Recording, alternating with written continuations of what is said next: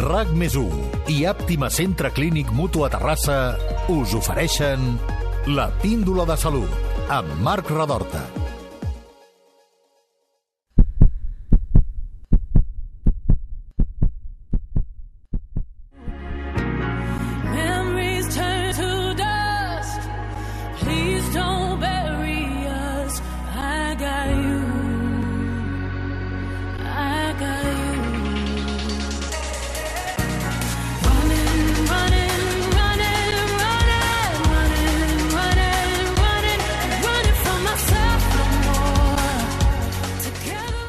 Feridura, vessament, embòlia, trombosi...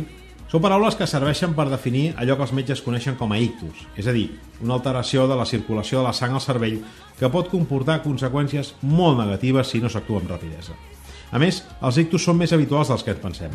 Segons dades del Departament de Salut, a Catalunya cada 40 minuts es produeix un ictus. O dit d'una altra manera, cada any provoca més de 13.000 ingressos hospitalaris. La bona notícia és que la majoria es resolen favorablement i en poc temps. De fet, el temps és l'element clau en aquesta malaltia.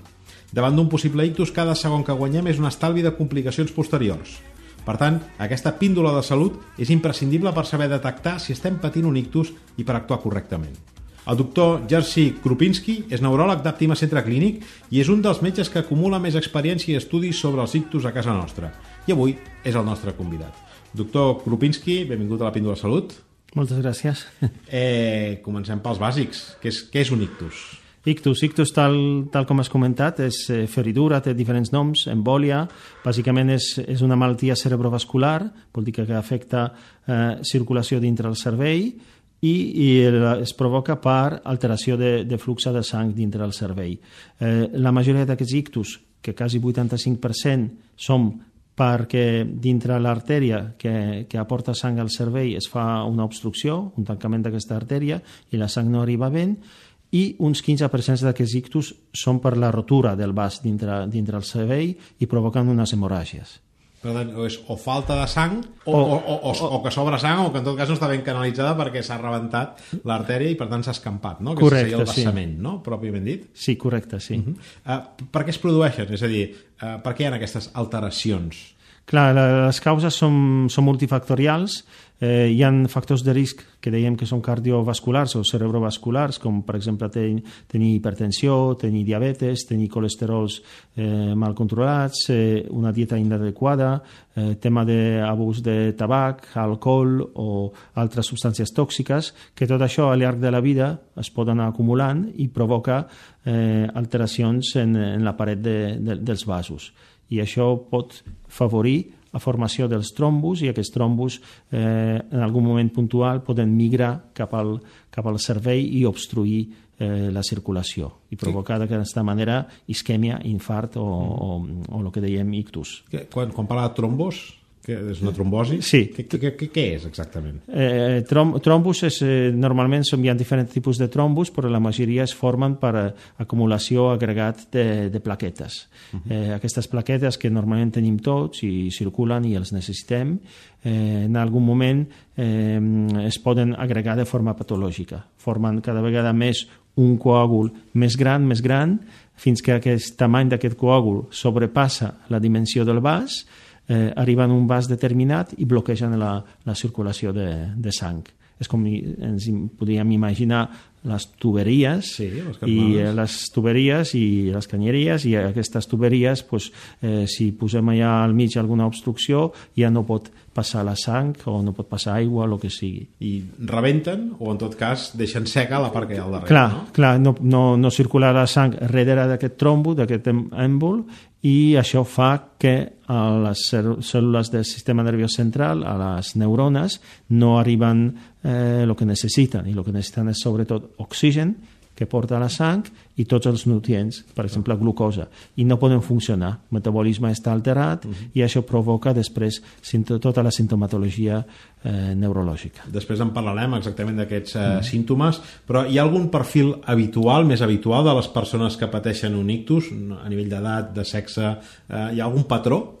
Sí, clarament és una malaltia relacionada amb l'edat. Vol dir que dintre els factors de risc, dèiem, no modificables, és l'edat i, i, i, i el sexe.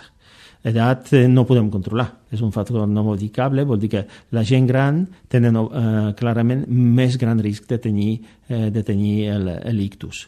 De fet, si mirem estudis de prevalença i incidència d'ictus aquí en, en Catalunya, en Espanya en general o en el món, eh, hi ha una correlació molt directa amb l'edat. Vol dir que la gent gran, per exemple, a partir de 65 anys, la, la incidència ja és de 5% amunt.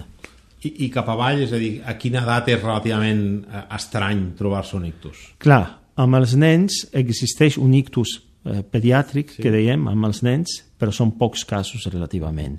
Però sí que de tant en tant eh, estan relacionats habitualment amb altres patologies, amb altres malalties eh, que eh, de forma secundària afecten circulació cerebral però sí que existeix també el ictus pediàtric, però no és habitual. Amb adolescents... Des, amb adolescents menys, menys, amb la gent eh, jove, sobretot eh, aquí és la població eh, de dones, eh, les dones que, mm, a part de tenir factors de risc, pues, eh, prenen, per exemple, anticonceptius al llarg de la vida, pues, d'alguna manera això altera coagulació eh, dintre la sang i pot eh, provocar eh, més risc de tenir efectes trombòtics, efectes embòlics en, en, en, en el cervell. En línies generals, però, a partir dels 60 és quan... Es quan realment la cosa es, es dispara més. I a sí. nivell d'homes-dones, la proporció similar? O una mica més les dones, no? Llegim? Una mica més les dones. De, de fet, eh, aquí, per, per, per estudis, per exemple, Iberictus, que es va fer fa, fa uns quants anys en, en Espanya, s'ha vist clarament que, que clar, malaltia cerebrovascular és la, eh, la primera causa de mort en la, eh, en la dona, en l'home és la tercera, uh mhm. -huh. perquè els homes ens, ens afecta més el tema del de, cor, malalties cardiovascular, càncer, però en les dones és, és, és la primera causa de, de mort. Uh mhm. -huh.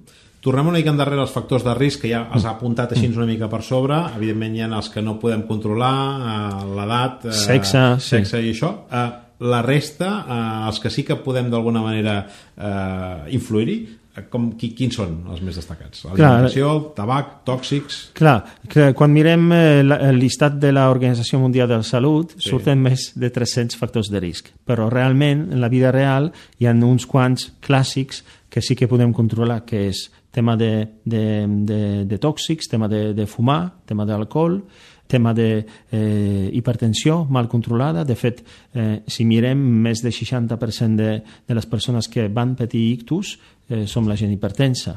Eh, diabètics, un 30% de, de, de pacients amb ictus eh, tenen diabetes associada i després el tema de, de lo que dèiem dislipèmia, colesterol, mal controlat. Vol dir que som aquests, aquests tres eh, clàssics, modificables segurament, vol dir que és molt important des d'atenció primària eh, detectar això més aviat possible i, i, i corregir i tractar i per tant fer-se anàlisis amb una certa regularitat i tenir els nivells, saber que estem en uns nivells més o menys eh, raonables no? de tots aquests indicadors. Sí, correcte. De fet, eh, feina sigui que sigui ja fem, la majoria de les empreses pues, eh, hi ha part de salut laboral de, de, de les empreses que és molt important en aquest sentit perquè eh, fa aquest screening inicial de factors de risc, que mm. habitualment inclou analítica, vol dir que una analítica relativament simple es pot detectar si algú té, per exemple, eh, sucre una mica més elevat, uh -huh. si té eh, colesterol elevat, quin tipus de colesterol està elevat. I això actualment es pot corregir, a vegades inicialment només amb, amb dieta, i si cal després es pot entrar, eh, a part de canviar hàbits eh, dietètics, es, es pot entrar amb, amb, amb tractaments fàrmacs, uh -huh. farmacològics. Uh, sí. Anem una mica a la part jo crec que és la més important de, de, de la que tractarem avui, que són una mica aquests símptomes, com detectar-los, quins són. Eh, ja hem dit a la presentació que cada segon compta amb un tema de, de la detecció d'un ictus. Per tant, quins símptomes ens poden portar a pensar que estem patint un ictus o com podem detectar que els pateix una persona que tenim al nostre entorn perquè igual no som nosaltres els que estem patint la, la malaltia l'episodi en aquell moment. Correcte. Eh, com que el canvi d'alteració de circulació dintre del cervell és molt brusc, la sintomatologia que apareix és una alteració brusca. Alteració de llenguatge, una persona no es pot expressar o té problemes de comprensió o té una parla que dèiem disàrtrica en sentit que, que pot parlar però eh, no s'entén no gairebé el que, bé. no vocalitza bé, no, no s'entén gairebé el que està dient. A vegades eh, apareix de cop una asimetria en la cara, el que diem eh, facial, perquè la cara, la boca està una mica eh, desviada, i després tot el que és alteració brusca amb tema de motricitat. Vol dir que pèrdua força, eh, brusca de, de força en una extremitat, eh, o superior o inferior, eh, alteració de la marxa, inestabilitat, eh, alteració de sensibilitat unilateral. Tot, tot és una sintomatologia que pot ser atribuïda a, a un ictus agut. Clar, ara que parla de l'ictus agut, també han d'haver ictus lleus. És a dir, jo, vaja, jo personalment conec un cas d'una persona que bueno, tenia com una formigueig al braç, va pensar que això simplement era que se li adormia el braç quan dormia i resulta que era un símptoma vinculat a això, no? a un ictus. És a dir, com, com podem realment detectar aquella potser petita molèstia o que no ens sembla prou rellevant i, i, i que acabi sent un ictus? Sí, això és molt important el que, el que comentes, que, que aquesta sintomatologia mínima eh, inicial s'ha de saber detectar i s'ha d'actuar de forma molt ràpida, perquè a vegades es pot acabar només amb aquesta sintomatologia, però a vegades l'ictus pot progressar als propers minuts o hores i provocar un dèficit important. De fet, aquí en, en Catalunya jo crec que eh, val la pena mm, eh, comentar, eh, tenim una, una escala que, que és molt il·lustrativa, que és una escala que es diu ràpid, uh -huh. que bàsicament cada lletra correspon eh, R és de eh, riu, eh, A és d'aixecar bra, braç, P és de parla, I és i, i D és de depressa. Vol dir que si detectes aquests quatre eh, has d'actuar molt ràpidament eh, per, per prevenir precisament eh, el risc de progressió d'ictus. I de fet, al llarg dels anys, des de des del de, Departament de, de, de Salut es va fer una acció molt important a nivell d'atencions primàries, centres públics, centres privats, i els pòsters amb, amb, amb, amb explicació de, de lo que significa ràpid, crec que la majoria de, de, de, dels nostres centres sanitaris estan, estan, estan penjats, vol dir que hi ha un accés eh, població té molt, molt directe. I ara que estem parlant d'això, què és el codi ictus?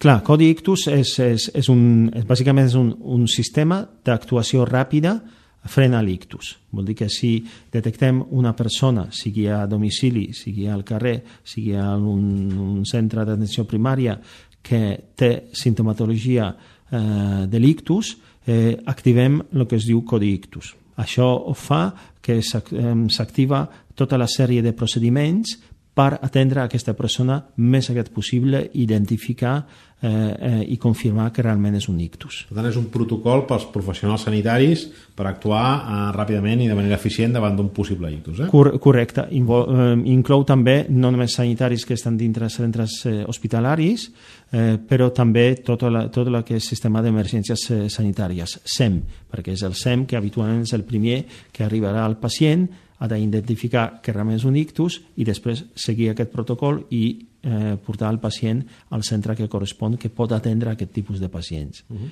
Perquè eh, aquests símptomes que comentava abans eh, han dit que apareixen bruscament, però es poden repetir o, o, o poden aparèixer un cop i, i ja no aparèixer mai més? És a dir, com, com funciona? Sí, tenim, bueno, hi ha diferents tipus d'ictus, són ictus més lleus, tal, tal com hem comentat abans, que tenen molt poca sintomatologia i la cosa es pot acabar aquí. Eh, hi ha ictus eh, que són transitoris, vol dir que eh, uns símptomes que apareixen i habitualment eh, desapareixen dintre 24 hores i no es tornen a repetir, però és un avís és un avís molt important per, per, per la persona i el sistema sanitari que s'ha d'estudiar de, això en aquesta persona i després hi ha, hi ha, hi ha ictus que, que progressen, vol dir que comencen amb una sintomatologia lleu i al llarg de les, els propers minuts o hores eh, pues a vegades una persona es pot eh, quedar amb una alteració eh, de parla, de llenguatge molt, molt important i amb una afectació motora o sensitiva eh, d'un cantó del cos. Mm -hmm.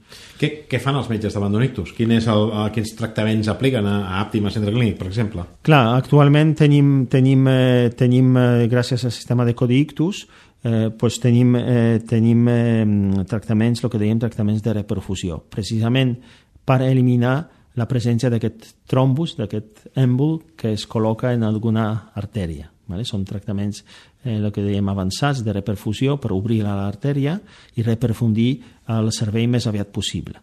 Eh, actualment tenim dos tipus de tractaments. Un tractament és, eh, és eh, el que deia, es diu trombolisis endovenosa, que s'aplica eh, un medicament a través de, de, de les venes.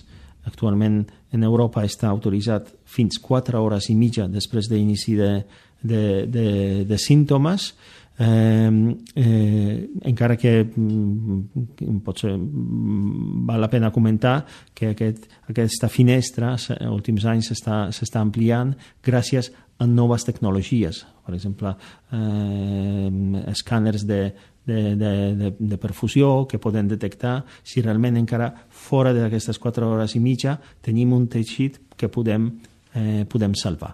Però en general tenim aquestes 4 hores i mitja. Què vol dir això? Que hem d'actuar molt ràpid. Vol dir que de seguida quan detectem un pacient hem de traslladar al, al, al centre, com són nostres centres, per, eh, per fer aquest tractament. Això és un tractament que és de reperfusió a través de trombolisis i últims anys, eh, gràcies a, a diferents assajos clínics, un d'aquests assajos clínics va ser l'assaig clínic català, Rebascat, eh, van demostrar clarament que també de forma mecànica podem fer una extracció, extracció del trombo que està dintre les artèries. Vol dir que a través d'un catèter arribem a través de les artèries petitones, eh, enganxem el trombo eh? del cervell, sí, sí, sí, no de... sí, sí, això fa 10-15 anys semblava ciència-ficció, però actualment eh, tecnologia ha avançat eh, tant que amb un microcatèter eh, estem capaços eh, d'arribar a les artèries, inclús les més petites, eh, enganxar el, el trombo i retirar-lo i d'aquesta manera reperfundir al, al territori afectat. Això també ha d'estar fet en centres especialitzats, eh, que aquí a Catalunya pues, tenim molt bona xarxa eh, de més de 20 hospitals eh, que, que poden atendre eh, aquests pacients en tot el, tot el territori déu nhi eh, Parlem de la recuperació posterior. Quines poden ser les seqüeles, quines són les seqüeles més habituals? Eh, què podrem recuperar, què podrà recuperar aquella persona que hagi patit delictus i què no? Eh, de què depèn aquesta recuperació? Clar, seqüeles habituals són trastorns de parla, de llenguatge, eh, tot el que és eh, eh llenguatge fluid, eh, eh, comprensió, eh, manera d'expressar-se. De, eh, després hi ha eh, tots tot els problemes motors, vol dir que tema de possibilitat de moure el braç, eh, tot el que mm, eh, són moviments fins, eh, per exemple, el tema d'escriptura, de, eh, capacitat de, de, de treballar, per exemple, si algú va ser un mecànic, eh, pues, capacitat de tornar a fer els mateixos moviments, pèrdua de forces en, en les cames que, clar, dificulten tema de, de, de caminar, són les seqüeles més, més, més, més freqüents. Tot això mm, amb rehabilitació, sobretot el que dèiem rehabilitació precoç, vol dir eh, la rehabilitació iniciada el més aviat possible, és de fet el que, el que intentem fer aquí a, a Àptima, permet que recuperació dels pacients eh, pugui ser màxima L'objectiu és sempre aquest, vol dir que sempre amb el pacient, amb el seu familiar, pues, eh, veient tipus d'ictus, fem una mica planificació, eh, a veure, podem arribar fins a aquest punt fent aquest tipus de fisioteràpia, rehabilitació, de teràpies ocupacionals. Eh, és sempre eh, tenir una recuperació màxima. S'ha de donar temps per fer això, eh, vol dir que sempre eh, com mínim entre 3 i 6 mesos després d'ictus és quan arribem a recuperació màxima. Vale? El que el pacient recupera dintre d'aquests màxims 6 mesos és quasi 90% el que realment recuperarà. Vale? Després ja és més tema de manteniment. Si el que no hagi recuperat en mig any serà complicat. Complicat, sí. sí. Mm. Una pregunta, una, un dubte, per què afecta només a una part del cos? És a dir, normalment quan hi ha una paràlisi d'una part, afecta, sí. no sé si sempre és la mateixa, sempre és la dreta sempre és l'esquerra, però, no, però, però, però, mm. però això està estudiat i, i, i per què? Sí, això està relacionat amb anatomia, com funciona el cervell. Vol dir que sabem que els símptomes dèiem que són creuats, vol dir que si tu tens ictus al, al part del cervell esquerre, eh, tindràs afectació a l'hemicós dret i al revés eh, vale? perquè és com estan les vies, les eh, vies que venen des, de, des del cervell cap a extremitats eh, organitzat, bàsicament estan creuades. Uh -huh. Vol dir que si tu tens una obstrucció, per exemple, d'unes de les artèries principals, que crec que tothom coneix com caròtides, uh -huh. eh, de cantó dret, pues, eh, tindràs eh, eh, dificultat de moure el braç dret, el braç esquerre, contralateral o la cama esquerra. Vol dir que estan, estan creuades les vies, per, per això. eh, però el que és poc freqüent o, o en tot cas és que tinguis un ictus més general, no? que t'afecti les dues parts o també es donen cas? No és habitual, no és habitual, no. És habitual, no. Eh, normalment la sintomatologia és unilateral, vol dir que és, és, és un ictus de, per exemple, artèria carotida dreta o artèria cerebral mitja dreta vale? o esquerra Vale? Quina és freqüent? Més o menys van a meitat. No, és, eh, no, és, eh, no, no hi ha massa, massa diferència en, en tema d'estadística. Vol dir que tant cantó dret com esquerra pot, eh, pot ser afectat, però és molt típic d'ictus. De fet, és una de les coses que, que detectem i pensem que és ictus, que l'afectació és unilateral. Eh, per curiositat, quants ictus ha tractat vostè? Eh, molts, no sé si els ha molts, mai o... molts aquí, aquí a Àptima Mutua en general tenim eh, quasi 300 eh, codis eh, d'ictus anuals però després també arriben els pacients eh, que no arriben eh, via el codi mm. perquè s'han despistat. O per exemple eh, el familiar eh, va trobar el pacient el dia següent al domicili o la gent que gran que viu sola i els familiars fins, fins al dia següent no s'adonen que realment va passar alguna cosa.